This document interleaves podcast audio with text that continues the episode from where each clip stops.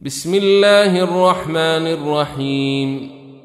يا أيها النبي إذا طلقتم النساء فطلقوهن لعدتهن وأحصوا العدة. واتقوا الله ربكم لا تخرجوهن من بيوتهن ولا يخرجن إلا أن يأتين بفاحشة مبينة. وتلك حدود الله.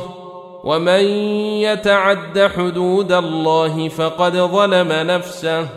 لا تدري لعل الله يحدث بعد ذلك أمرا.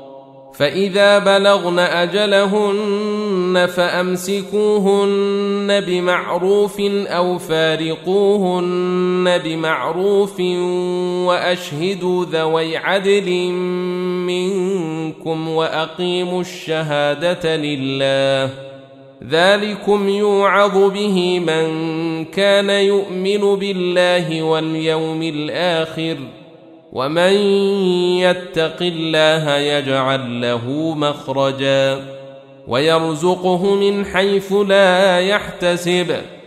ومن يتوكل على الله فهو حسبه. إن الله بالغ أمره. قد جعل الله لكل شيء قدرا.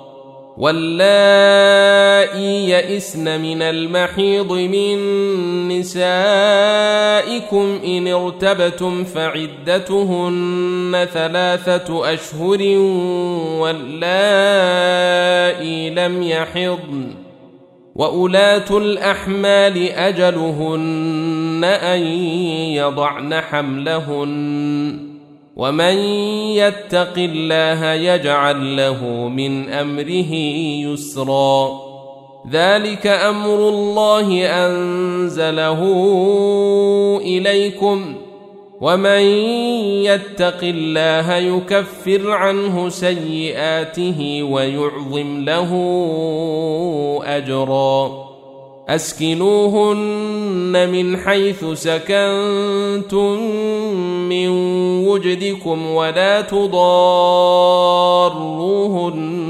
لتضيقوا عليهن وإن كن أولات حمل فأنفقوا عليهن حتى يضعن حملهن فإن أرضعن لكم فآتوهن أجورهن وأتمروا بينكم بمعروف وإن تعاسرتم فسترضع له أخرى لينفق ذو سعة من سعته ومن قدر عليه رزقه فلينفق مما اتاه الله لا يكلف الله نفسا الا ما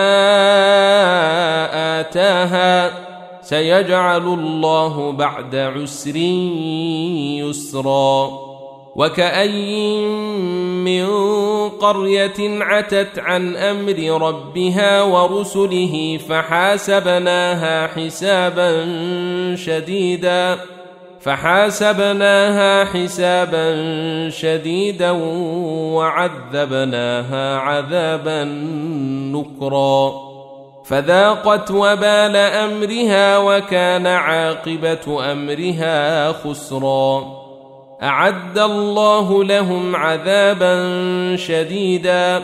فاتقوا الله يا أولي الألباب الذين آمنوا. قد أنزل الله إليكم ذكرا. رسولا يتلو عليكم آيات الله مبينات ليخرج الذين آمنوا وعملوا الصالحات من الظلمات إلى النور. ومن يؤمن بالله ويعمل صالحا يدخله جنات تجري من تحتها الانهار خالدين فيها ابدا قد احسن الله له رزقا الله الذي خلق سبع سماوات ومن الأرض مثلهن يتنزل الأمر بينهن لتعلموا أن الله على كل شيء قدير لتعلموا